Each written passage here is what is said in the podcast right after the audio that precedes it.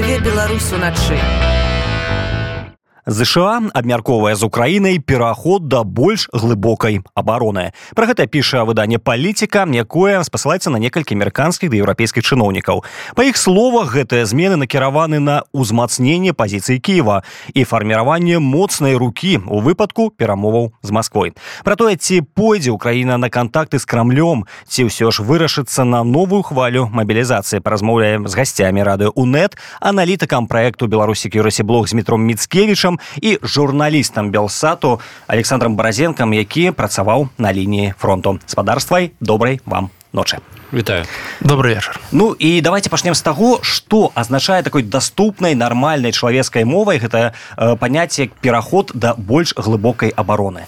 Ну мне здаецца гэта такая дэкларацыя што вораг не атрымае і метра украінскай землі.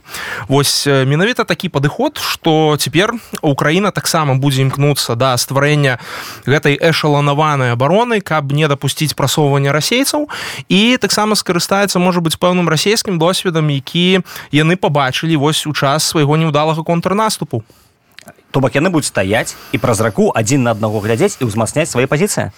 Не я тут не пагаджуся наконт не атрымаюць ні метра але гэта просто пераход да тактыкі максімальных стратаў для расійскага боку. То бок э... глыбокая абарона якая яна нясе страты. Натуральна што атака яна нясе страты э, таму баку які там прайграе. А калі ты ў абароне якія абараняцца заўсёды прасцей чым атакаваць. Гэта у прынцып і спартовы гэта прынцып які датычыцца хаоса і войны гэта шаланаваная абарона якая просто будзе выматваць расійскае войска якое аб'ектыўна мае больш чалавечага ресурсу больш мабілізацыйнага ресурсу больш тэхнікі больш прабачце боепрыпасаў.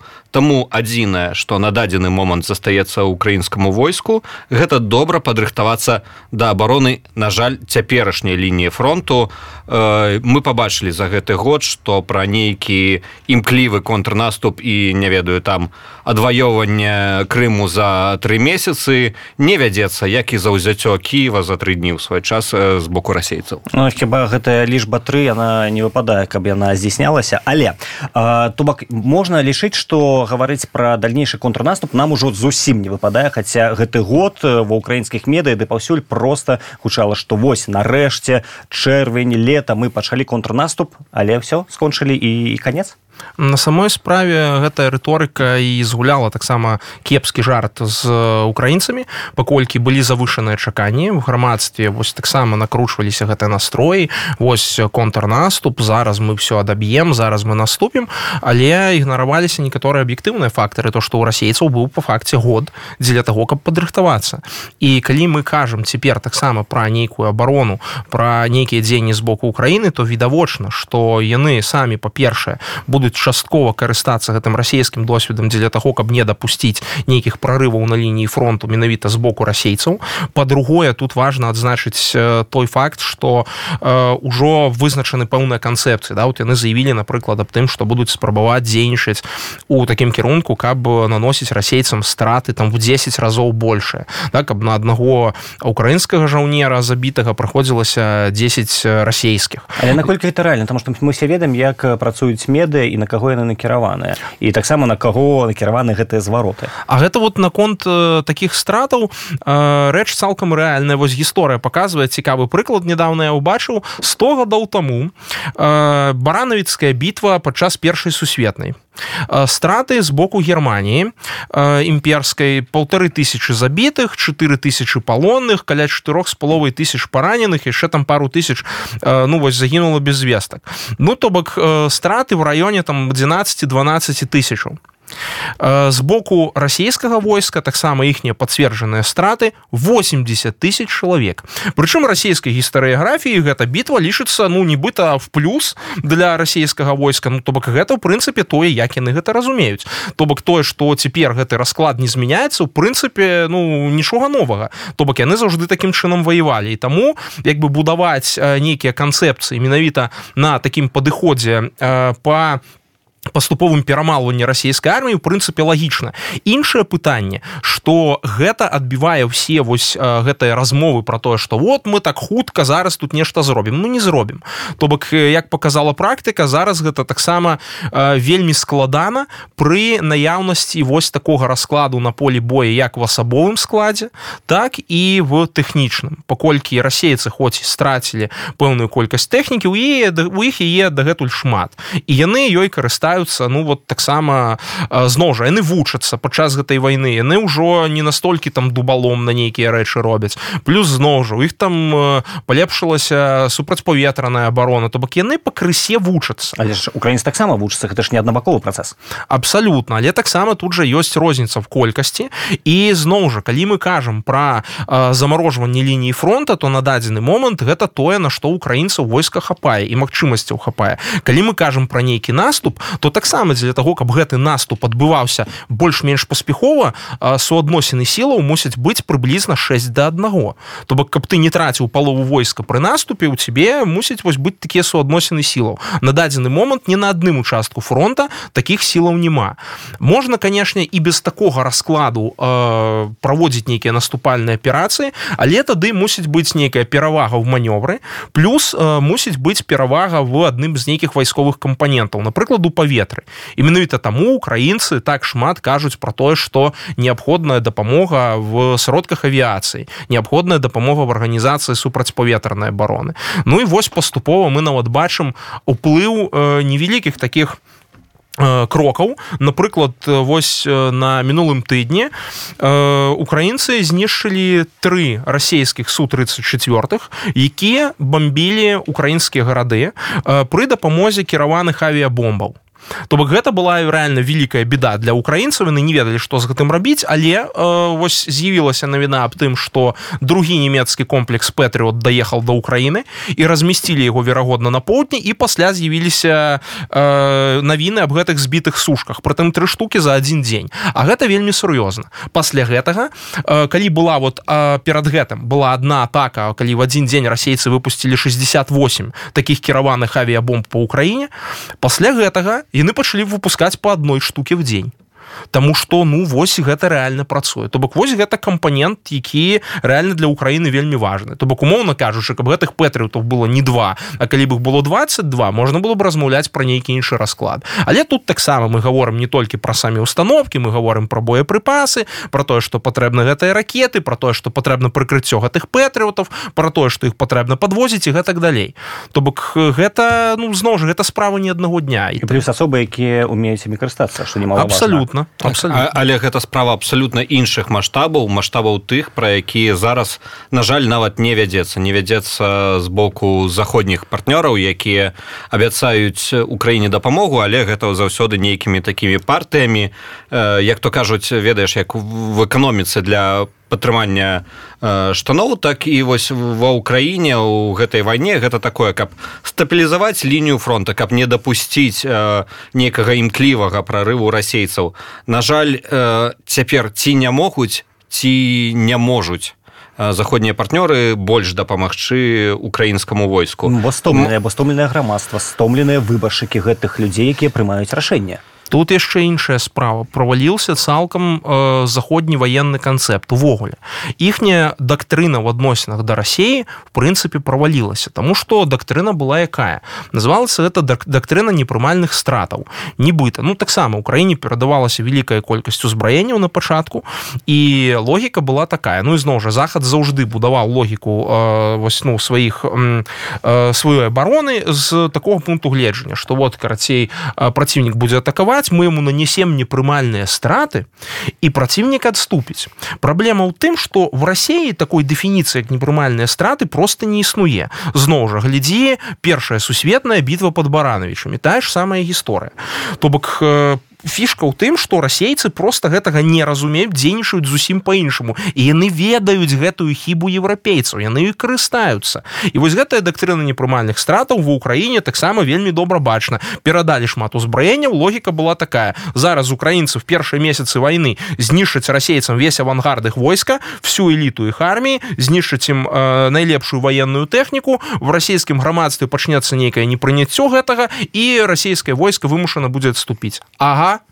то бок вось ну окей за 300 тысяч мобіков ну и что такое 300 тысяч мобіков их там 140 мільёнаў то бок расейцам абсолютно неважно заб'юць 30 мільёнов русских ну калі ласка ім по барабану ім важно то что танки будуць под берліном стаять і на захадзе зараз з гэтым великкая праблема тому что яны не ведаюць як знайсці адказ на гэтую военную дактрыну чаму? Вось колькі ўжо стагоддзяў адбываецца одно і тое ж в кола.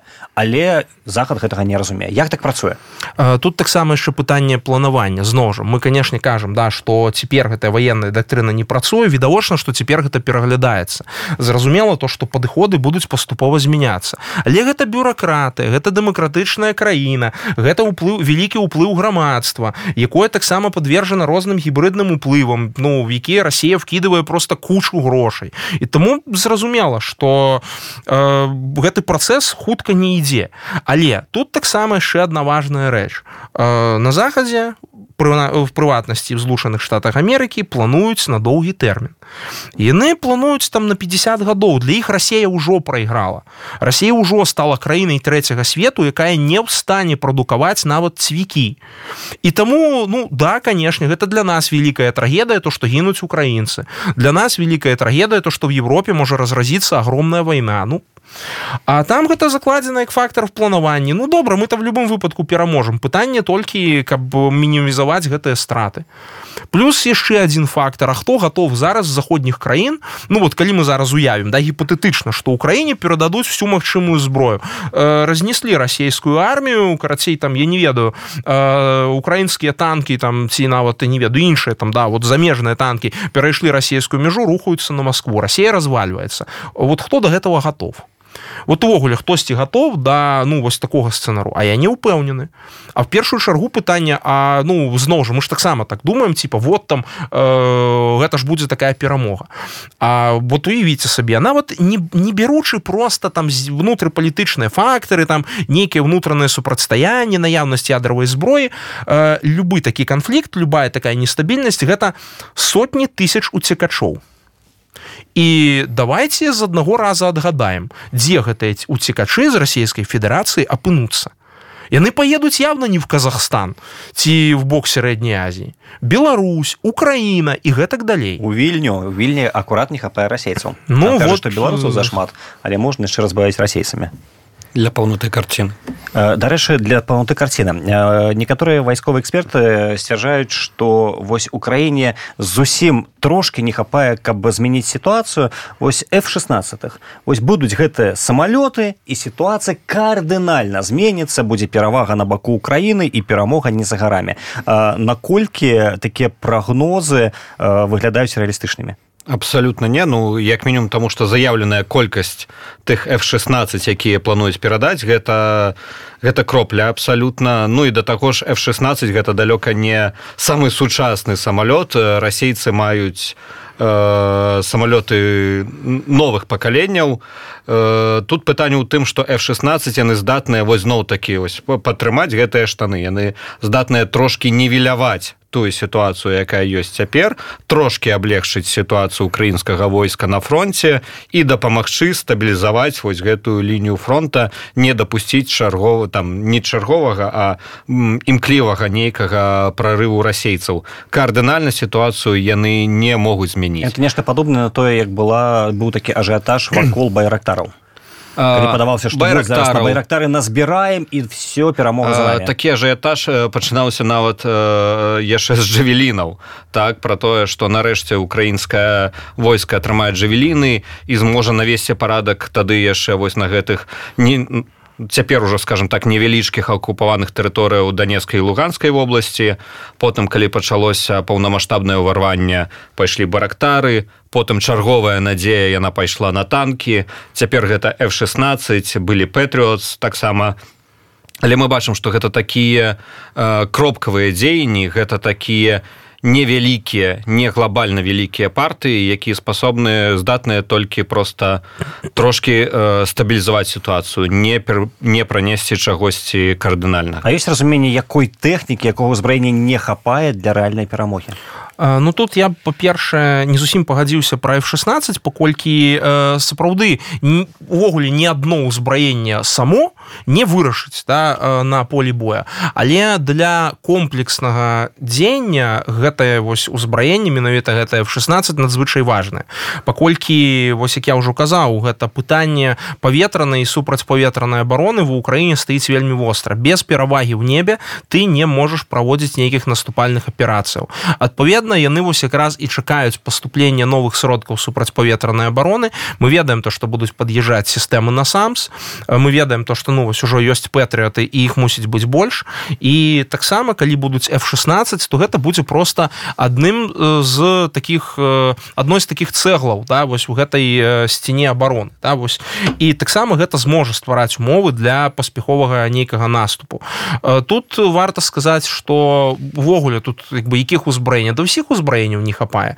Зразумела то что ў першую чаргу гэта пытанне артылерыі і таксама зноў жа гэта вот лагістыка гэта своечасовая дастаўка всіх гэтых сродкаў ну плюс аператыўна-тактычныя ракетныя комплексы дальнабойнае ўзбраенне ў краіне вельмі важна. І зараз мы бачым что Украіна не чакаючы нейкай падтрымкі ну в пэўных галінах сама распрацоўвае пэўнае ўзбраенне. Мы бачым выкарыстання выкарыстання вось гэтых ракет нептун напрыклад. Это вельмі важная рэч. Мы ведаем то что зараз распрацоўваецца ракета на базе ракеты нептун ракетны комплекс земля земля то бок які будзе менавіта прызначаны для знішчэння наземных цэляў. Адпаведна тут мы можемм сказаць что гэта вот у такі вялікі крок. Плюс зноў жа яшчэ пытанне інфраструктуры по рамонце. Паколькі важно не тое наколькі у тебя у тебе танки супер прасунутыя і там вельмі цяжкія важно тое наколькі ты гэтыя танки можаш хутка рамантаваць і хутка вяртаць іх на поле боя. Таму что ну зноў жа там в гісторыі такія прыклады былі калі падчас другой сусветнай ну вот напрыклад амерыканскія танки гэтым вельмі добра адрозніваліся что хутка рамантаваліся хутка на поле боя вярталі займаліся тут таксама просто мусіць быць пэўная інфраструктура і мусіць быць праца ў гэтым кірунку. Зноў жа таксама мы кажам зараз пра шэраг беспілотнікаў і тое што в Украіне ёсць насамрэч ужо дае пэўную надзею. Плюс вельмі важна сказаць что якраз такі гэтыя рэчы ва ўкраіне распрацоўваюць самі. Напрыклад не так давно вось яны прэзентавалі працу ў кластера brave one і там гаворка ішла пра цэлы шэраг распрацовак менавіта в сістэмах э, беспілотных прытым розных платформаў і наземных і паветраных і надводных. То бок гэта якраз э, вось тыя кірункі якія ну вот э, надзвычай важныя. Але падаецца што Украіна пачала распрацоўваць сваё ўзбраенне яшчэ дзякуючы таму альбо з-за таго што просто не хапае фінансавай падтрымкі з боку захаду. І ёсць адчуванне што заходнія краіны і заходнія грамадства просто стаміліся ад таго што Украіна не патрабуе ад іх падтрымкі. Вельмі складана сярэднестатыстычнаму жыхару ліхтенштейна патлумачыць што ты жывеш в сваёй краіне з-за таго што дзесьці там далёка ад цябе адбываецца вайна ты павінен плаціць трошки больш падатку кошты у тебя там больш падымаюцца і гэтак далей. І на гэтым вельмі добра граюць папулісты. Вось якія якія перспектывы ў 2024 годзе у тым што заходнія краіны будуць далей працягваць дапамагаць украіне не змяншаючы аб'ёмы ці такіх перспектываў мы не назіраем ну тут мне цяжка сказаць бо як бы кожнае грамадства яно адрозніваецца. Мы бачым што ў некаторых краінах Еўропы э, гэтая падтрымка менавіта падтрымка грамадства яна не змяншаецца. Гэта краіны якія знаходзяцца не ў пасрэднай блізасці ад рассеі які адчуваць небяспеку на ўласнай ну, балтыя але калі мы кажам пра заходнюю Еўропу Великабрытанія Бельгія люксембург нідерланды і гэтак далей вось як там все ж таки фінансавыя потоки э, краіны балты і польша это не самыя багатыя краіны ў еўрапейскім звязе спадзявацца на тое что яны дапамогуць значна фінансава но все ж таки хутчэй не выпадае але пытанне выдзялення фінансаў яно яшчэ пытанне палітычнае і мы цяпер бачым што вось якраз такі тая ж польша яна выступае ў авангардзе гэтай еўрапейскай палітыкі і она сапраўды задае тон і дае прыслухоўваецца тому что гэта сапраўды краіна якая разумее что яна на як бы на наступным этапе гэтай расійскай агрэсіі што яна наступная. І калі ему удастся патлумачыць гэта умоўным немцам умоўным чехам аўстрыйцам і гэтак далей яшчэ далей на захад да апошняга жыхара люксембургу тады канешне э, гэта на лісабону. Я спадзяюся мы не на люксембургу скончым пераконваць заходнюю Еўропу ну да. Пойдзем далей на, на захад.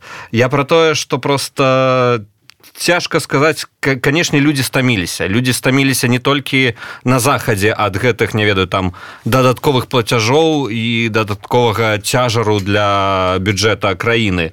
Людзі стаміліся ва ўкраіне про гэта кажуць усе валанцёры нават самыя вялікія фонды нават э, людзі якія збіраюць самыя вялікія данаты той же там Сергей притула кажа что э, плынь данатаў плынь дапамогі саміх грамадзянаў Украіны яна скарачаецца. Людзі стаміліся я не, шчыра не ведаю адказу на пытанне як зрабіць как бы гэта не спынілася.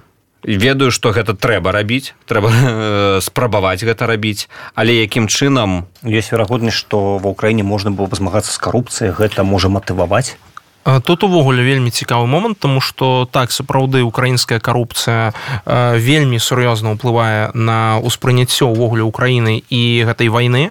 Паколькі ну зноў жа гэта выдатна выкарыстоўваецца расійскімі спецслужбамі расійскай прапагандай. Ну і на самой справе то бок я вот уже давно казаў что Украіна в гэтай вайне такое адчуванне то что можа прайграць толькі сама сабе. Паколькі вось гэтыя карупцыйныя схемы якія мы бачым насамрэч ну просто э, я не ведаю часам руки опускаются паколькі калі ты бачыш гераізм людзей якія знаходзяцца на фронте і з другога боку калі ты бачыш нейкіх там суддзяў чыноўнікаў якія набываюць сабе бэхі просто за сотні тысяч даляраў ну, я не ведаю гэта в галаве не укладваецца. І тут важно просто адзначыць что таксама з боку краінаў захада з некаторых ёсць разуменне что гэта таксама дапамога іхняй жа эканоміцы. Тут жа рэч якая зноў жа посткавідныя все гэтыя гісторыі. Патрэбна аднаўляць эканоміку. А военно-прамысловы комплекс гэта якраз рэч вельмі э, такая працаёмкая. І інвестыцыі в абарончы сектор інвестыцыі военную прамысловасць гэта не просто в інвестыцыі в адзін нейкі завод. Вакол любого военнага прадпрыемства цэлы шэраг іншых прадпрыемстваў. Ізноў жа і самае галоўнае канструктарскіх бюро і навуковых даследаванняў якія з гэтага жывуць. То бок гэта таксама вялікі штуршок да эканомікі. Плюс тут вельмі цікавы прыклад злучаных штатаў паколькі давайте не забывацца что галоўным спонсорам рэспубліканскай партыі ну ось якой вельмі баяцца что зараз нібыта яны прыйдуць і там падмяняць всю дапамогу Украіне так вось галоўным спонсорам іх з'яўляецца военно-прамысловы комплекс злучаных штатаў Амерыкі. То бок кампаніі такія як Northrop Grumman Lockheed Martin і гэтак далей то бок рэйтеон той же самы. Гэта просто гіганты якія даюць вялікія грошы і менавіта лабістам якіх з'яўляецца рэспубліканская партыя. І я упэўнены что калі у Э, зараз да напрыклад трампа да прыйдуць ну вось калі трамп стане там прэзідэнтам да да яго прыйдуць гэтыя людзі і ён ім скажа что ребят я вот вас зараз абую на 45 мільярдаў даляраў я не думаю то что яны будуць вельмі рады і мне здаецца что там зусім іншыя рэчы уваходзяць в гульню при тым что не так давно белый дом апублікаваў якраз таки паперку спецыяльна там з цікавымі каляровымі дыяграмкамі колькі в кожны штат штат было інвеставана грошай менавіта з-за дапамогі ўкраіне і на пэўныя штаты гэта больш за мільярд даляраў і э, всего гэта там 27 мільярдаў даляраў ужо. І самае цікавае что 3 мільярды даляраў гэта непасрэдная дапамога кампаніям якія займаюцца прадукцыяй узбраенняў. То бок гэта не просто что там ну мы штосьці купілі а гэта вот непасрэдная дапамога. То бок наце вам грошай калі ласка мадэрнізуйце абсталяванне там дакупіце штосьці і прадукуйце больш. То бок гэта таксама фактор які варта ўлічваць. То бок відавочна то что там таксама про гэта думаюць. Таму зразумела то что э, Украіне да вось без гэтай дапамогі вельмі цяжка. І зразумела то что ёсць унутрыпалітычныя фактары як в заходняй Европе так і в злучаных штатах зразумела то что Росія імі будзе карыстацца якія могуць гэтаму перашкодзіць. Але мне здаецца что тут таксама ёсць пэўныя эканамічныя рэчы.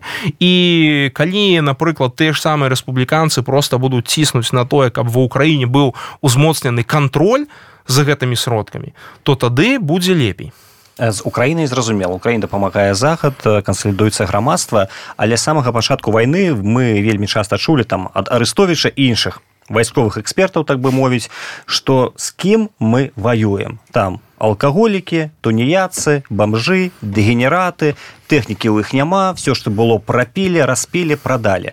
Пры гэтым у цяпер ва ўкраіне ўжо ходзяць размовы пра тое што прычым кажуць гэта паважаныя людзі. Напрыклад там буданаў казаў што Росія спакойна са сваім эканамічным патэнцыялам да канца 2025 года будзе ваяваць і нават не заўважыць нейкіх праблемаў в эканоміцы. Як так атрымліваецца? Росія про якую все думалі что гэта реально краіна там с мёртвай эканомікай без баяздольнасці апынулася настолькі моцнай як такое можа быть? Слухай ну ты сам патлумачыў вось сваім жестам гэтымі двукосямі калі тлумачыў про арестовича калі, калі казаў про арестовича увесь сэнс гэтых заяваў. Гэта былі аб, абсолютно папулійскія заявы заявы якія э, мелі сваю мэтую падняць нейкі баявы дух нейкую салідарнасць украінцаў.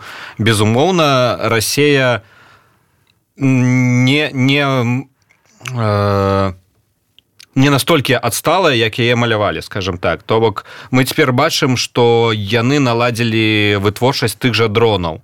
І усе украінскія валанцёры усе украінскія ініцыятывы просто збіваюцца з ног каб хаця бы неяк суадносіцца па колькасці вытворчасці гэтых э, баявых дронаў з тым што можа цяпер вырабляць рассея колькі яны могуць пера вырабляць артылерыйскіх снарадаў тут нават пытанне не ў тэхналогіях цяпер не толькі ў тэхналогіях а просто ў маштабах гэтай краіны ў маштабах гэтай эканомікі. Яны могуць сабе дазволіць прадукаваць Военную тэхніку боепрыпасы і тыя ж дроны. Просто ў такой колькасці што ў краіне каб з гэтым неяк суадносіцца трэба акумуляваць і ўсе свае сілы і ўсе сілы заходніх краінаў які ну прынамсі увесь той маштаб дапамогі які ёсць цяпер і калі мы бачым гэту сітуацыю якую таксама разуме украінскі бок ці не прымусіць гэта афіцыйны кіў сесці за стол перамоваў з крамлём улічваючы што велічэзныя там людскія страты эканамічныя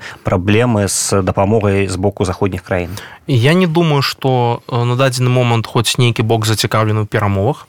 Э, таксама з'явілася інфармацыя аб тым што вось Путін казаўся дзеньпіну што вось яны 5 гадоў яшчэ плануюць ваяваць з Украінай. І гэта насамрэч ну вот добра паказвае вось гэта іхні настрой. І тут наконт вот да што зменіцца ў рассіі там узровень жыцця ну калі у іх э, я не ведаю ва умоўнай волагазе яны жывуць в бараках і туалету іх на вуліцы то ну куды ўжо змяняцца гэтаму ўзроўню жыцця?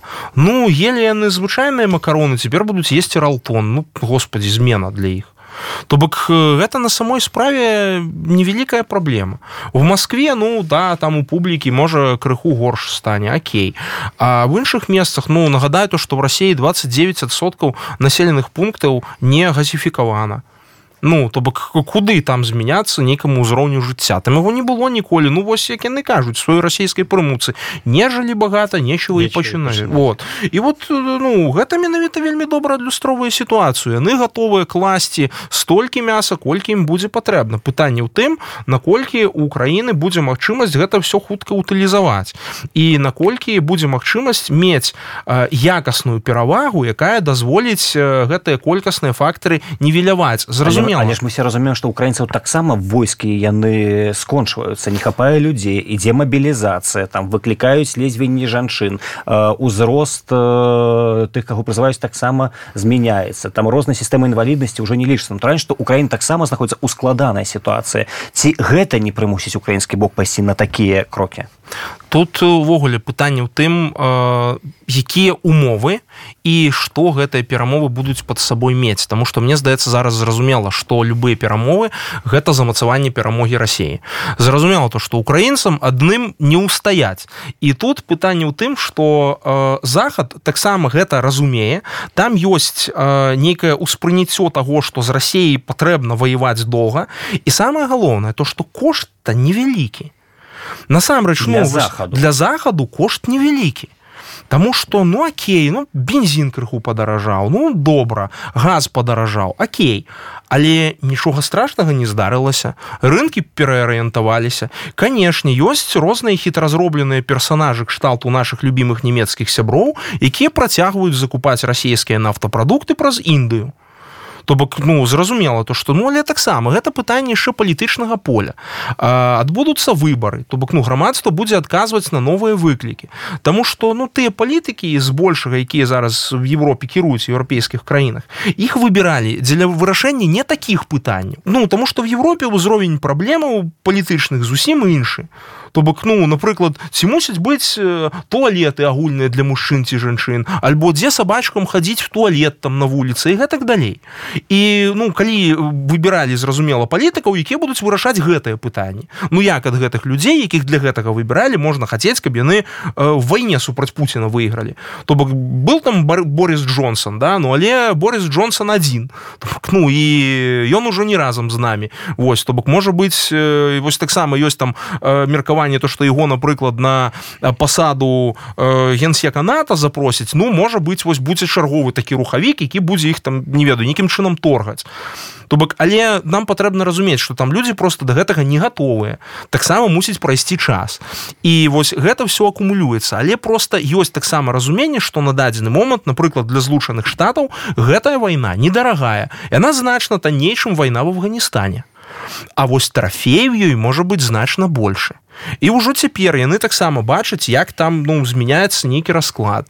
Плюс зноў жа вось нагадаю то что то что мы уже сёння казалі там планаванне на 50 гадоў.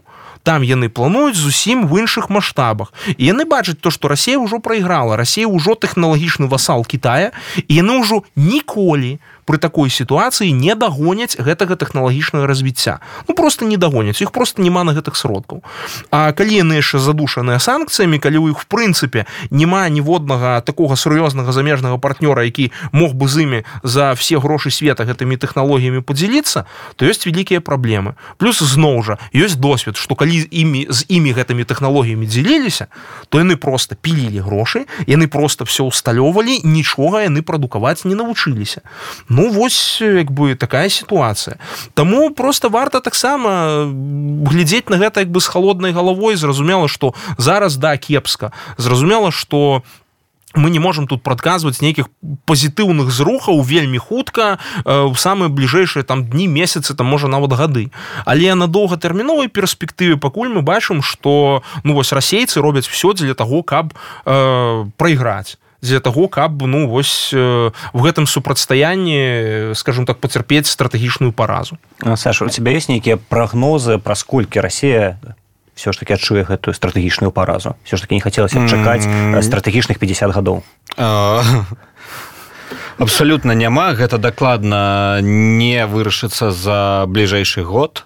Прагнозы на 24 у мяне абсалютна не пазітыўныя як бы і для мяне у станоўчым вынікам 2024 калі вось кранацца менавіта сітуацыя на фронте будзе захаванне цяперашняй сітуацыі плюс-мінус да? Ну то бок умоўна кажучы мы можемм казаць пра не ведаю там згубу нейкага чарговага пункту перад тым як я ну перад гэтым расейцы яго сваімі там 800 тысячамі мясных штурмаў ператвораць па-першае у руіны так яны потым э, усталююць свой сцяг на над гэтымі руінамі але калі так глобальна то для мяне поспехам будзе вось менавіта захаванне плюс-мінус цяперашніх межаў фронту э, якія ёсць э, на дадзены момант.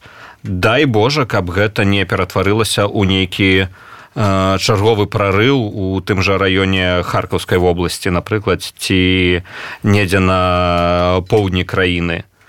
Таму шчыра я не магу я не бачу нейкіх цяпер вось тут і цяпер пазітыўных сцэнароў для Украіны.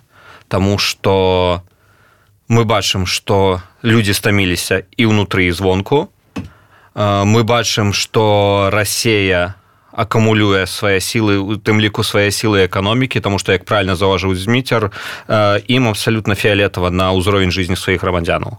Як бы галоўная праблема любога супрацьстаяння з рассеяй і падобнай і падобным падобнымі рэжымамі тое что еўрапейцы краіны захаду скажем так цывілізаваныя краіны яны меруюць суперніка по сабе і гэта іх асноўная праблема і памылка гаспадарства. Дзякую вам вялікі за гэтую размову. Я нагадаю нашим слухачам што сёння гасцямі радыё унет былі журналіст александр баразенко і аналітык проекту беларусі кіруці блог зміцер міцкевіш дзякую. Дзякую вялікі дзякую жыве беларус уначы